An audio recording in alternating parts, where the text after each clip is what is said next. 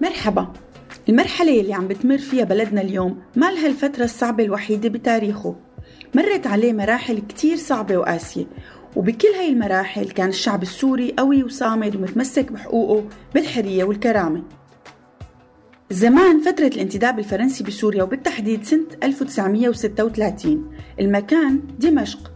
الحدث تجمع آلاف الشباب من كل المحافظات والمدن والقرى السورية وقدموا أنفسهم بأنهم شباب القمصان الحديدية يلي مستعدين يقدموا أنفسهم ضحية للوطن ويفدوه بأرواحهم. وهيك تم الإعلان عن إنشاء منظمة القمصان الحديدية على شكل المجموعات الفاشية والنازية الأوروبية مثل ميليشيات القمصان السود بإيطاليا. بس هذا التشابه كان بس بالشكل بأشياء مثل التحية واللباس. أما المضمون مختلف تماما لأنه منظمة القمصان الحديدية كانت بتحمل أفكار وطنية منها مقاومة الانتداب الفرنسي. يعتبر فخري البارودي مؤسس منظمة القمصان الحديدية.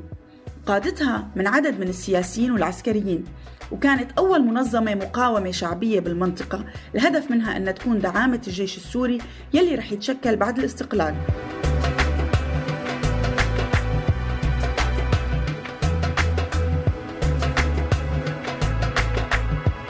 فتحت مكاتب ومراكز للقمصان الحديدية بكل المدن والمناطق السورية ولاقت إقبال شعبي كبير.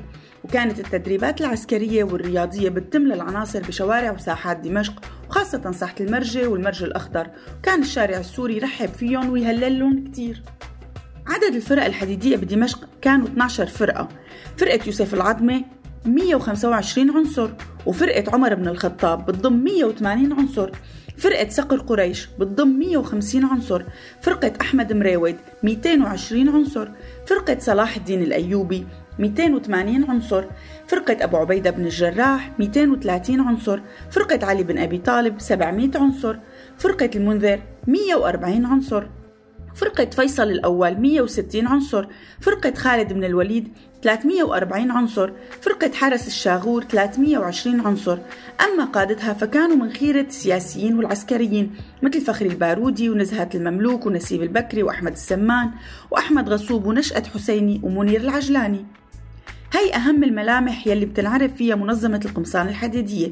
إذا بتعرفوا معلومات تانية خبرونا. وإذا بتعرفوا فرق ومنظمات تانية ساهمت بتحرير سوريا احكوا لنا عنها.